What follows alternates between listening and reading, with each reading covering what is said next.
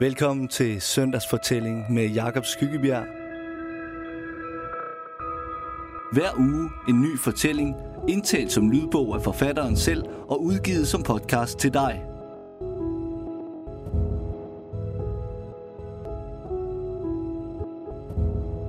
Dagens fortælling handler om at være sin egen herre.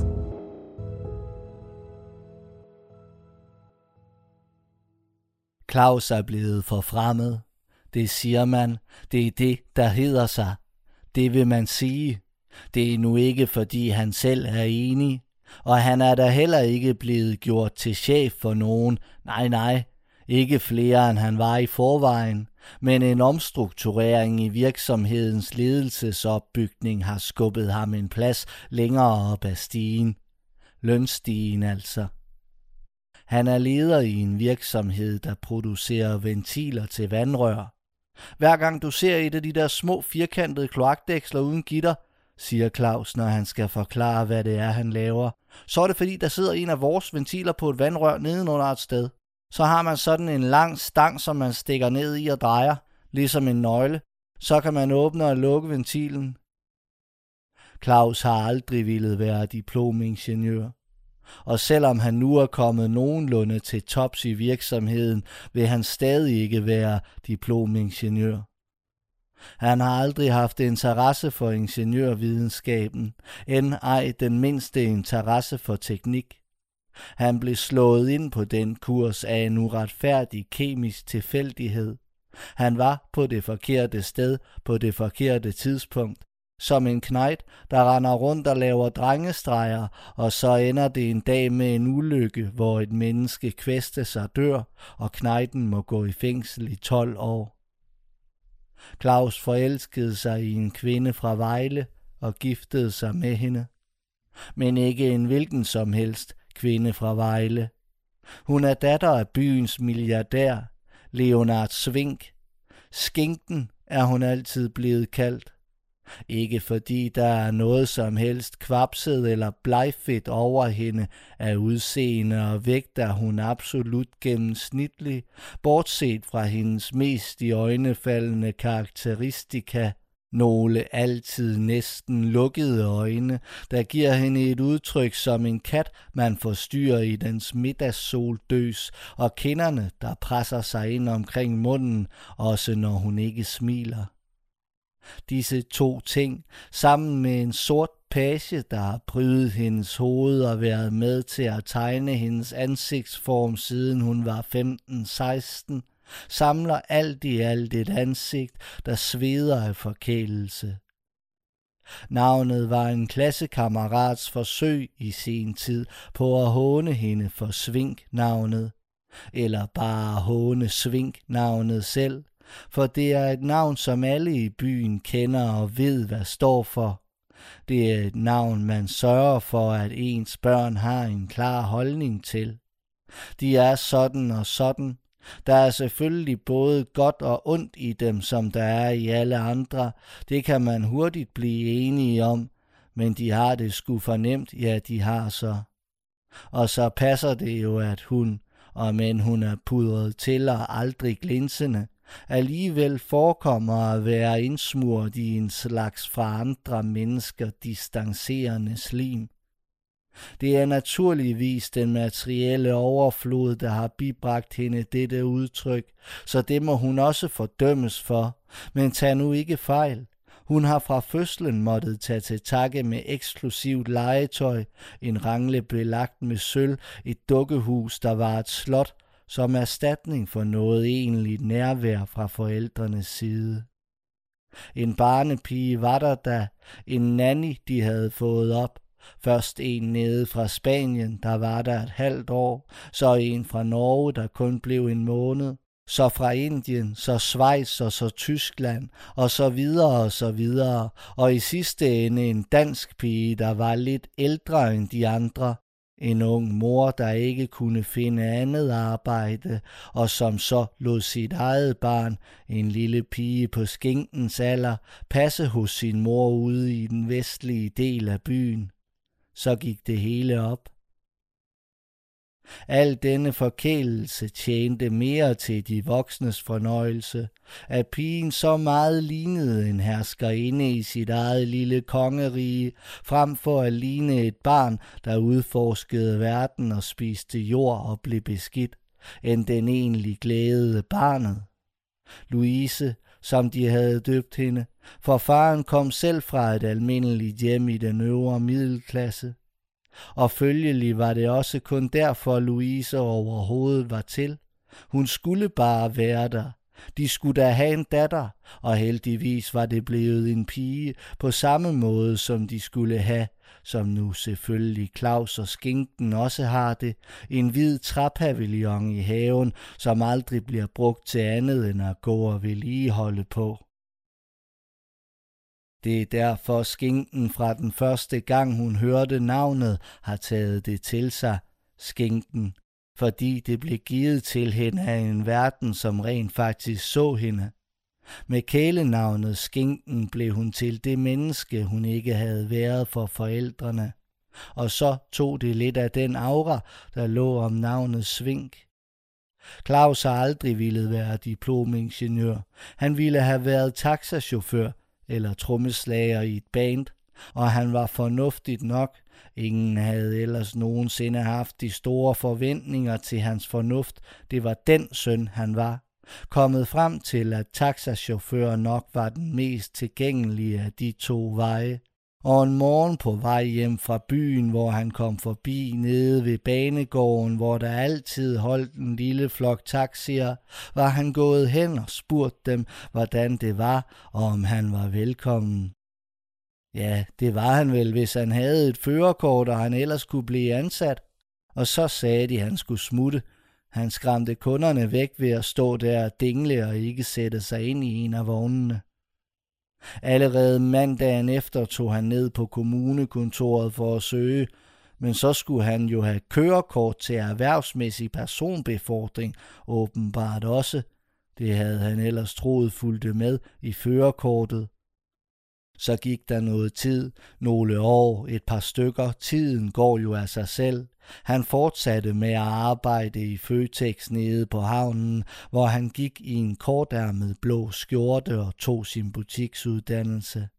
Løftede en kasse væk og satte en ny kasse frem, smed de resterende to salathoveder over i den nye kasse, pakkede en palle ude på lageret med det, han skulle bruge for at fylde op, og trak den ind i butikken på en palleløfter.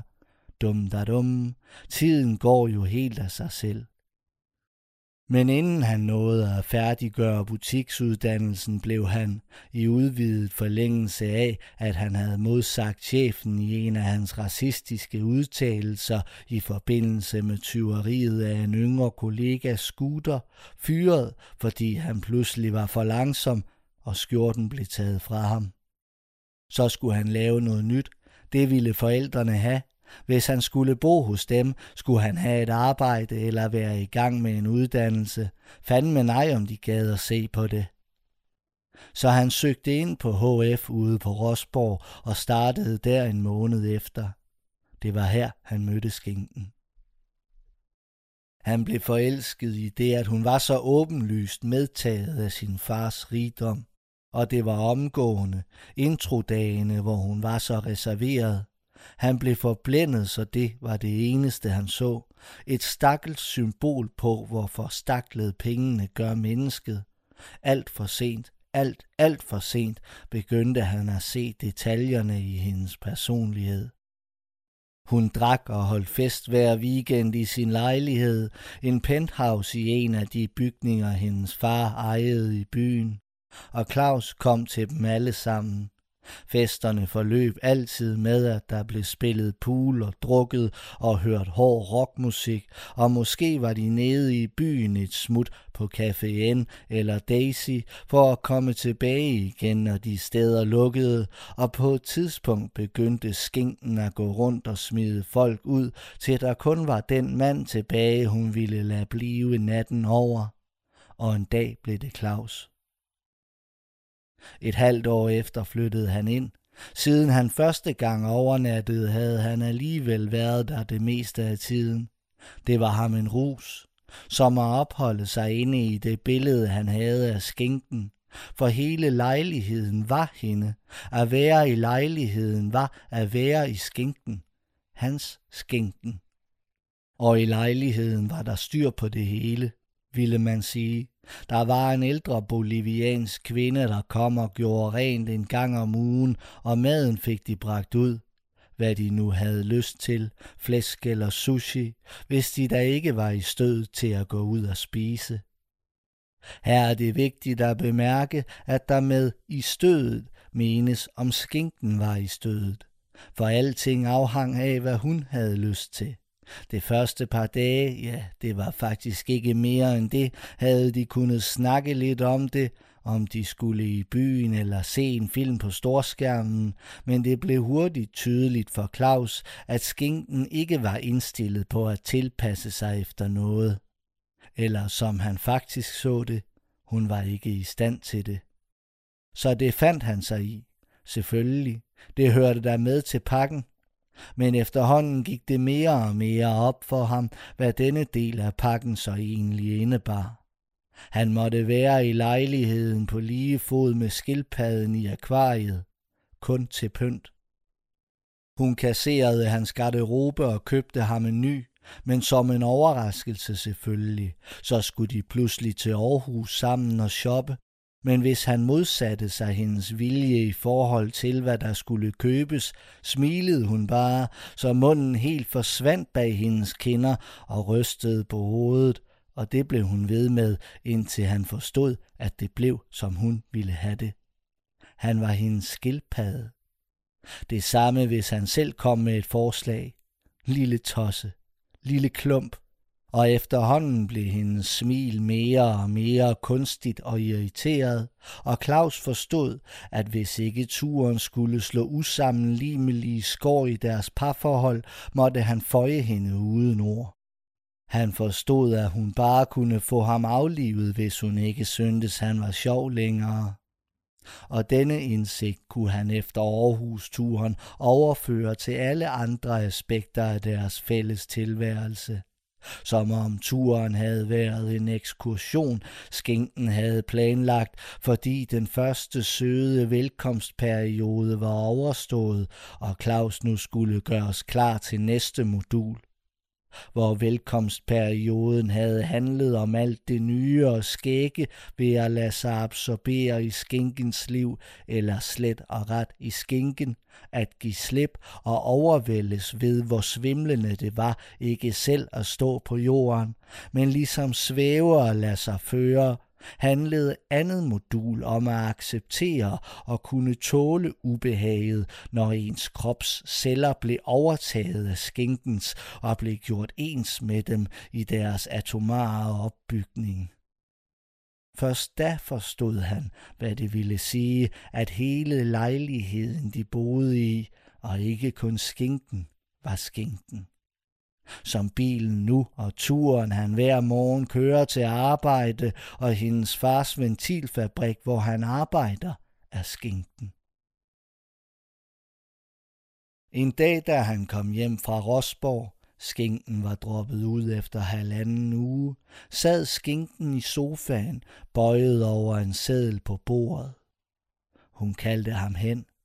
Det var noget, de skulle snakke om, sedlen. Han kiggede på den. Det var en liste. Hun havde listet hans venner op, og herefter havde hun streget de fleste ud igen med henholdsvis en grøn og en rød overstregningstus. To navne var uberørt. Det var Rune Moral og Mikkel Fast. De måtte blive, sagde skinken. De røde overstregninger derimod var folk, der nu skulle være helt udelukket fra at komme i lejligheden og i deres liv i det hele taget, mens de grønne var folk, der måtte deltage ved særlige anledninger. Systemet var nemt nok at forstå. Claus kiggede på listen. Øv. Rune Moral var han kun venner med, fordi de havde gået til jiu-jitsu sammen, dengang Claus var 15. Rune havde haft det blå bælte, da Claus begyndte i klubben, og ikke engang havde haft en gi endnu, og han havde været en, som alle skulle være venner med. Det ansås for det normale, at ham ville man gerne være venner og pleje samvær med ved hver en given eller ikke given mulighed, hvor nedladende han så end konstant måtte være. Rune Moral spiste af folks slik uden at spørge og blinkede til deres mødre. Og mødrene var vilde med ham. De grinede altid af de ting, han sagde, og ligesådan var det vel med skinken, tænkte Claus. Hende havde han selvfølgelig også tryllebundet med sin billige charme. Rune Moral havde engang kastet Claus ind i en væg og havde selvfølgelig undskyldt, ridderligt som en held i en amerikansk actionfilm, og var på den måde endt med at vinde på sin udåd. Han var trænerens yndling og stod i flere år for træningen af klubbens yngste medlemmer. En opgave, han varetog med den mest naturlige tilgang. Han var tilpas forsigtig, når han brød deres balance og svang de spinkle kroppe rundt og lagde dem i føregreb. Claus kom en gang til at få en af dem til at skrige for sit liv, da han bare skulle markere med knæet på halsen. Og bagefter ville ungen ikke falde ned igen. Træneren sagde, at Claus lige måtte tage den lidt med ro. Slutteligt var Rune også den eneste i klubben, der kunne tælle længere end til 10 på japansk. Han havde været på kursus med den internationale mester Jan de Jong fra Holland og fik ofte til træningsgang lov til at blive hørt i tallene Ich, Ni, Sa, Shi og så videre til 25. De sidste tal var han altid ved at bytte rundt på, og han løftede en pegefinger i luften foran sig og vendte blikket opad mod sine tanker, famlede og fandt altid de rigtige ord. Han klarede den, og alle tilstedeværende klappede, elever og træner, og hvis der stod en mor og så på, klappede hun også og grinede. Men Claus' relation til Mikkel Fast var endnu værre. Ham havde han kendt hele sit liv. De havde gået først i børnehave og siden i skole sammen ind til syvende, hvor Mikkel Fast blev taget ud af det offentlige system og flyttet på privatskole. Man havde store ambitioner for ham. Herefter havde drengene holdt en tvungen kontakt nogle år, fordi deres forældre, det vil sige mødrene, var venner og omgik hinanden, og Claus og Mikkel blev sat til at hænge ud sammen. Når Mikkels familie var på besøg, kom Mikkel ind til Claus på hans værelse og bøvsede og kløede sig i skridtet, så det lød som om nogen sleb med sandpapir og fortalte om, hvor populær han var på den nye skole. De så alle sammen op til ham, sagde han, og så pillede han nogle knopper af savsmulstapetet på væggen og gav sig til at spytte klistrede papirkugler ud på gulvet, som han formede i munden af stykker fra etiketten på hans colaflaske. Så sad de der og skulle hygge sig med Claus' Sega Mega Drive, mens mødrene drak vin og snakkede i spisestuen. Fædrene gik som regel rundt og kiggede på huset, på tagrenderne og gulvlisterne og et smut ud i garagen, hvor de kiggede på bilen. Der var ikke andet, de kunne snakke om, og det var heller ikke meningen. Det var pigernes aften, det vidste de, og det vidste drengene. Og nu er Claus igen bundet op på ham, Mikkel, der siden han kom på privatskole og gik ud igen i 9. har startet en virksomhed og er begyndt at tjene penge på at parallelimportere forskellige småting, som han sælger videre til butikker og grossister. Urramme og kameratasker og sjove kuglepenne og LED-bælter har han været omkring. Det hele er meget upersonligt, men der er penge i lortet, som han grinende citerer Polle fra Snave-reklamen, og nu kører han en Mercedes, ligesom sin far. Den sænkede sølvgrå Mercedes holder på den private parkeringsplads foran bygningen, da Claus kommer rullende derop i sin lille BMW. De købte en af de små, fordi skænkens far synes, det kunne være sjovt, hvis de betalte selv. Jo, det synes de da også. Selvfølgelig. Claus betalte den ud af sin løn. Han parkerer og kigger forfærdet på Mikkels Mercedes, mens han går over til døren i det lille glasparti, der stikker ud på forsiden af bygningen. De er flyttet til en anden penthouse i et af farens nybyggerier, hvor der er plads til, at de kan få børn. Den er godt indrettet, med et antilopeskin fæstnet ned over trinene fra den ene stue til den anden, hvor den store, flade sofa står og tager imod en, og bagved den en blankpusset statue af en handløve i mørk træ, næsten fuld størrelse, står og brøler ud mod haven og pavillonen nedenfor bag bygningen og i den øverste stue et spisebord med otte tunge stole og flere skulpturer. Skænkens bedstefars pibesamling. Skinken er ikke så vild med planter. Det begrænser sig til to små potter ved siden af vasken på badeværelset, som kun står der, fordi de er det sidste af Claus' eget inventar, der er tilbage. Et lille paradistræ og en aloe vera. Claus kører nøglebrikken hen over læseren ved døren og hører låsen klikke. Så er der en, der banker på en af ruderne. Det er Mikkel Fast. Han står indenfor i glaspartiet. Velkommen hjem, siger han. Ja, jeg er også lige kommet. Han peger ud på Mercedesen. Den brænder kraftet med olien af, du. Det er, hvad man får for halvanden million nu til dags. De tager elevatoren. Claus opdager i det, han uden at tænke over det, giver sig til at betragte, hvordan Mikkel står med hænderne på ryggen og kigger på tallene, der skifter på kontrolpanelets display, som om det var Mikkels penthouse, de var på vej op til, at han selv står og krammer sin mappe i favnen. Han knuger den ind til sig. Han trækker jo slet ikke vejret. Han skynder sig at tage den ned. Burde han ikke fortælle Mikkel allerede nu, at han er blevet forfremmet? Og burde han ikke have været begejstret, da han mødte ham dernede? Han havde vist snarere virket mut. Han havde jo bare været opsat på bare at komme op og skifte tøj og slappe af, kigge lidt på den dokumentarserie om 2. verdenskrig, som skinken har købt til ham, og få lidt alenetid. Bare sidde og summe og rejse lidt ind i sig selv. Og så var der besøg. Og Mikkel står faktisk og snakker til ham, men han hører ikke meget af det. Han kigger på Mikkels hænder på ryggen. De hænger sig afslappet filtret ind i hinanden og vrikker lidt op og ned, når han taler. Mikkel har det bare dejligt. Med et ding bekendt gør elevatoren, at de er fremme. Døren åbner. Mikkel drejer sig med et smil og slår ud med armen, marcherer så foran Claus ud i den lille gang og frem til Claus og skinkens hoveddør og banker let på den med spidsen af sin lange finger. Claus kommer hen med nøglen. Skinken står i entréen. Nå, hej, er det jer? siger hun.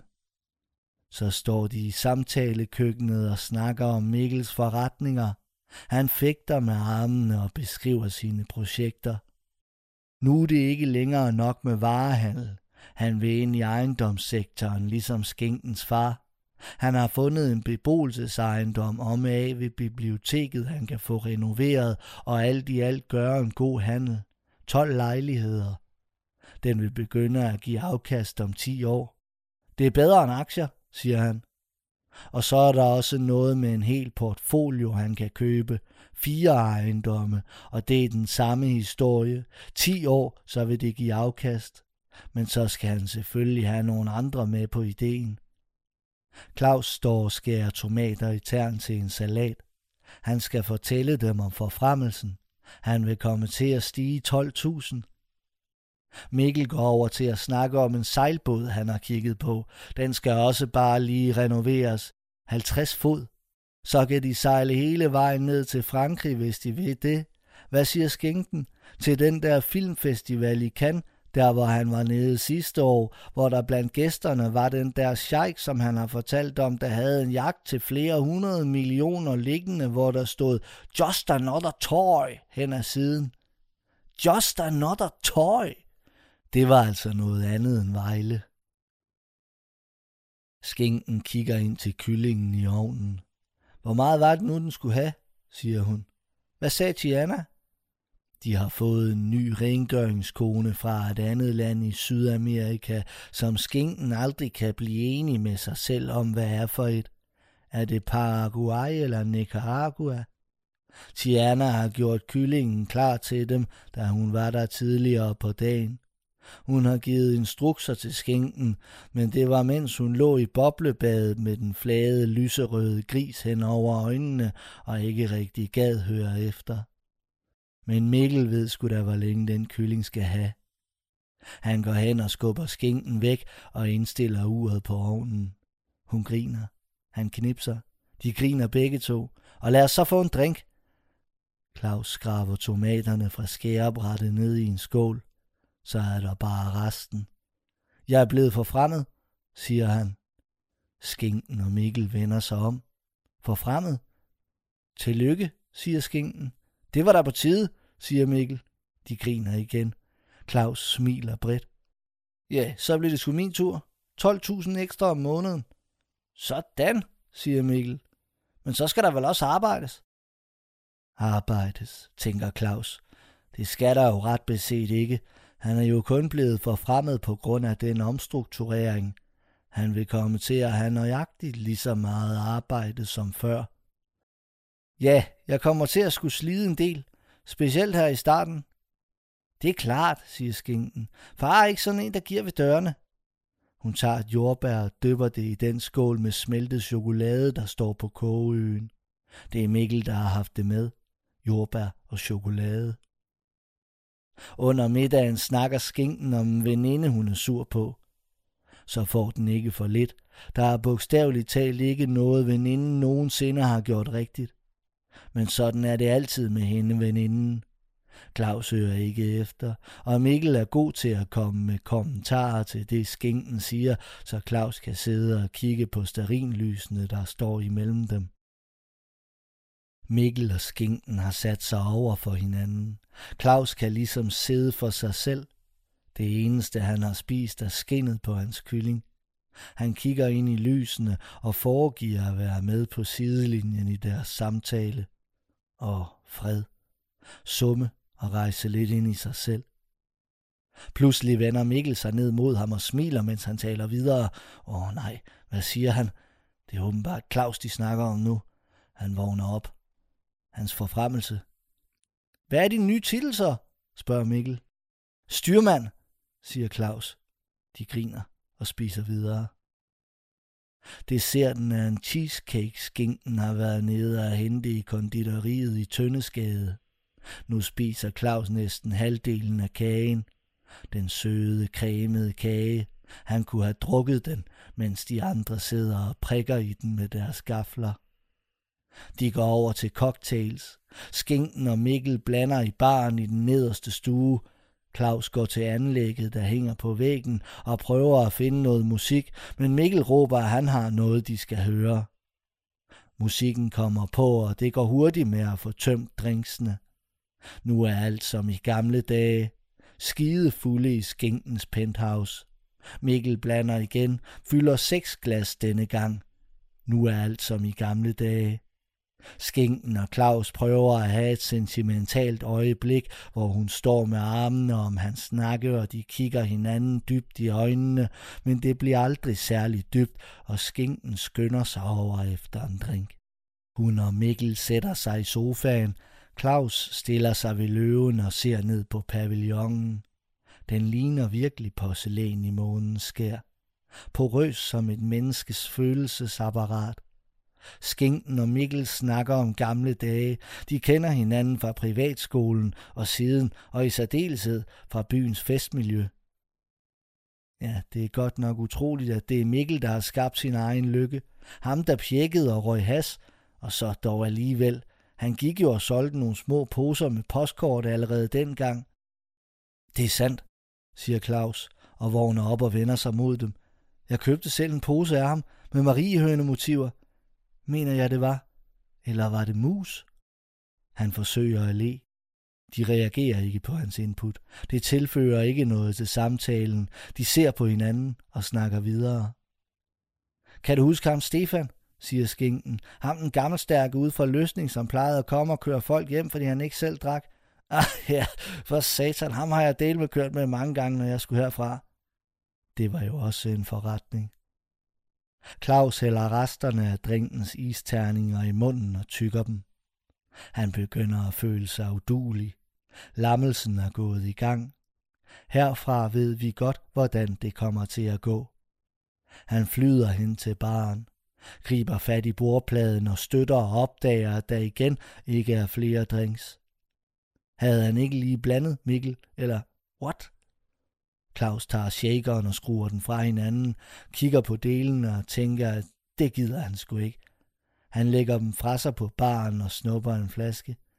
Gin, so be it, og fylder sit glas halvt op. Fylder så appelsinjuice i for resten. Han nipper til den, og lidt mere. Så går han ned til bordet. De er opslugt af samtalen. Mikkel kigger kort op på Claus og så tilbage på skinken. Claus sætter sig i lænestolen og rykker den tættere på. Men det nytter ikke noget. Mikkel sidder sidelæns i sofaen, nu vendt mod skinken og med ryggen til ham.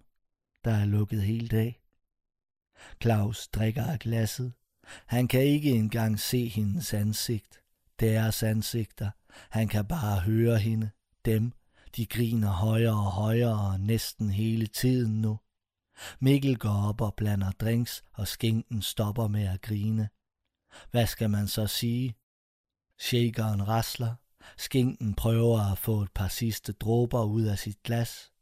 Claus rækker en hånd frem mod hende, prøver at rykke over til hende i sofaen. Det er Mikkels plads, siger hun. Mikkel, hvor bliver de drinks af? Claus finder mobilen i lommen. Den nye drink slår hårdt. Jeg er nødt til at gå, siger han og lægger hovedet tilbage. Arbejde. Nå, siger skinken. Mikkel, hvor bliver dit ringsag? Og åh, hvor de ler. Mikkel er jo netop på vej ned med to strawberry daiquiri. Jeg går ud fra, at du skal have sugerør, siger han. Jeg er nødt til at gå, siger Claus. Arbejde. Mikkel drikker af sin drink. Okay, skål. Han løfter den. Claus skåler tilbage, og skåler til skinken, der skåler op til Mikkel. Claus tømmer glasset, rynker brynene, kysser skinken farvel og går. Shum, siger det, da døren lukker sig til den kølige kabine. Han lægger hænderne på rattet, så blødt og så tykt. Han læner sig frem og ser de oplyste vinduer oppe i lejligheden. Åh, fred. Så finder han mobiltelefonen igen og åbner det nye program, han downloadede den anden dag. Han har tilmeldt sig som chauffør på den alternative taxaservice Uber. Straks får han besked om en kunde, en kvinde 500 meter derfra. Han godkender, og programmet sender en besked til kvinden om, hvornår hun kan regne med, at han vil være der. Han finder sit trådløse headset i handskerummet og sætter det på plads på øret. Med et ding bekendtgør det, at det er forbundet til hans telefon. Han retter på bagspejlet, slipper håndbremsen, første gear, roligt afsted ned ad indkørslen og blinke ud. Han ringer til kunden lidt før han er der, taler i headsettet.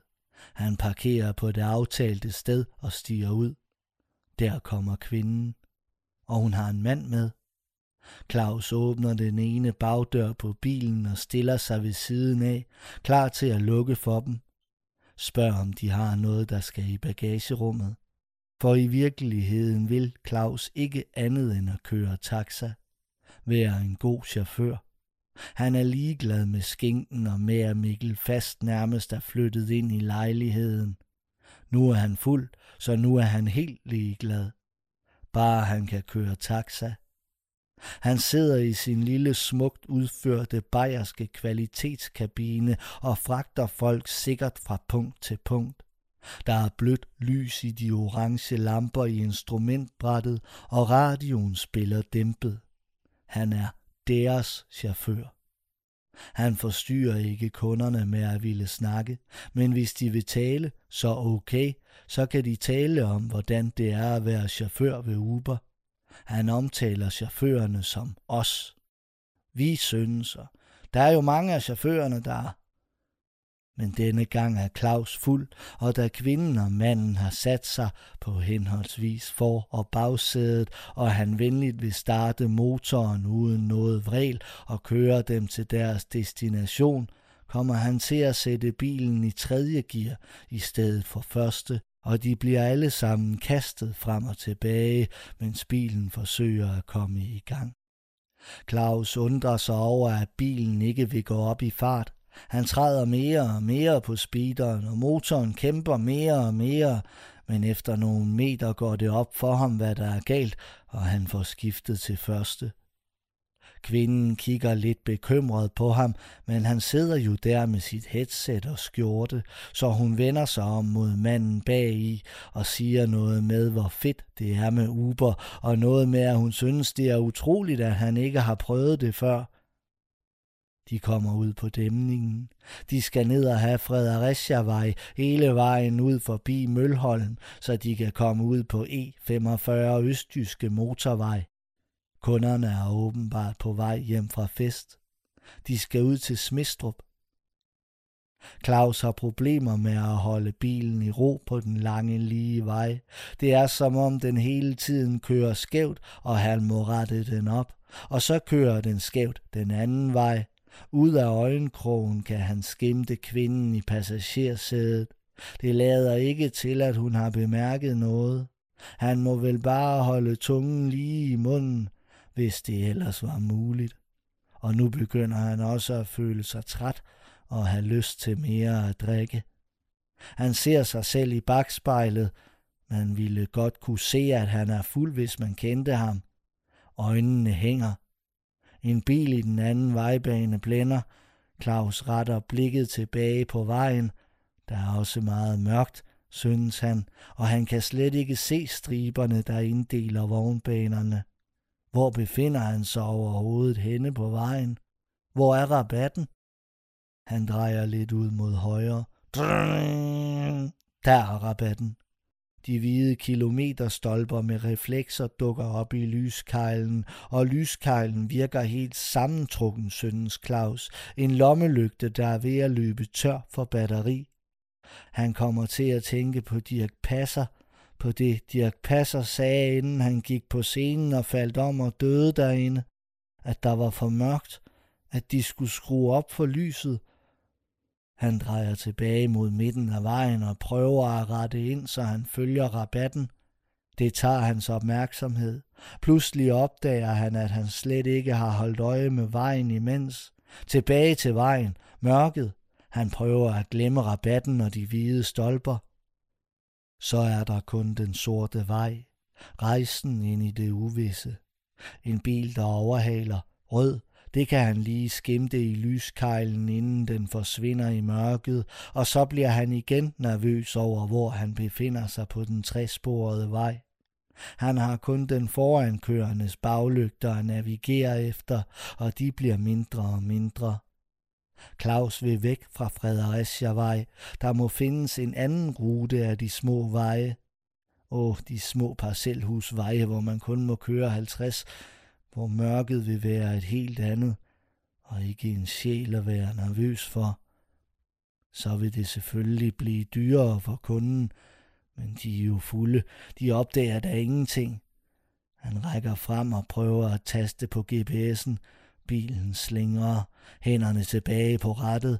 Hvorfor kan han ikke få lov at sætte farten lidt ned? Han rækker frem mod GPS'en igen. Kvinden spørger, om hun skal gøre det. Hvad skal hun gøre? Claus siger, at det er lige meget. Motorvejen er et mareridt. Bilen, han normalt har kontrol over som en stramt siddende sko på foden, er blevet som en alt for stor svømmefod. Over dem flyver skiltene forbi, og Claus kan ikke nå at fokusere og læse nogen af dem. De kører lidt over 90. Det bliver han nødt til, for at kunden ikke skal gennemskue, at han kører med nedsatte sanser. At han ikke aner, hvordan vejen bevæger sig. Kun på GPS'ens display kan han danne sig en idé om den svage bugtning. Han må bare stole på GPS'en, at den får dem sikkert frem, at der ikke dukker et eller andet op, at GPS'en ikke tager fejl. Han flytter sig rundt i sædet. Han føler, at han klistrer fast. Sveden er brændende under buksernes stof. Endnu et par biler overhaler. Manden bag i læner sig frem og taler til Claus. Men Claus kan ikke omsætte det, han siger, mens han samtidig skal holde øje med den vej, han ikke kan se, mens han samtidig skal holde hovedet koldt, mens de kastes gennem verdensrummets potentiale for asteroidestorme. Han sidder og gentager mandens ord langsomt for sig selv og prøver at forbinde sig til det at forstå dem. Kvinden gentager dem også. Det er slet ikke muligt at betale med kontanter, når det er Uber, vel? Endelig når de Smistrup. De kører under gadelamperne. Lyset stryger i bølger ned gennem bilens ruder. Claus følger GPS'ens anvisninger ned i et villakvarter. Her er der stille og roligt.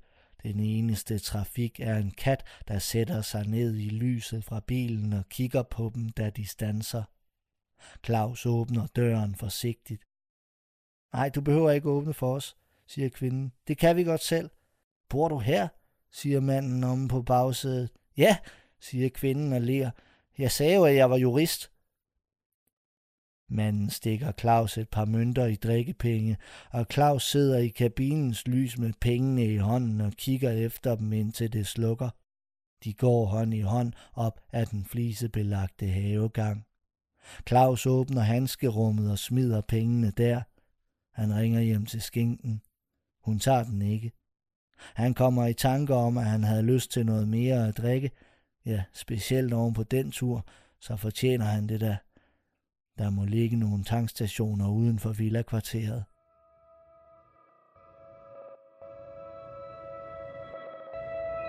Tak fordi du lyttede til Søndagsfortælling. Fortællingen er skrevet af Jakob Skyggebjerg og indtalt, mixet, produceret og klippet og så videre og så videre og så videre af Jakob Skyggebjerg.